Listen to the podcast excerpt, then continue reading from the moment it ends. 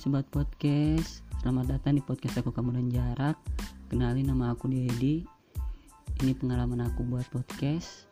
Aku asal Ambon dan tujuan aku buat podcast ini untuk menjadi inspirasi untuk banyak pemuda di luar sana yang lagi menjalin hubungan atau masa percintaan. Nah, mungkin sampai di sini dulu pengenalan kita. Nikmati episode-episode aku selanjutnya. Oke, bye guys. See you. God bless you.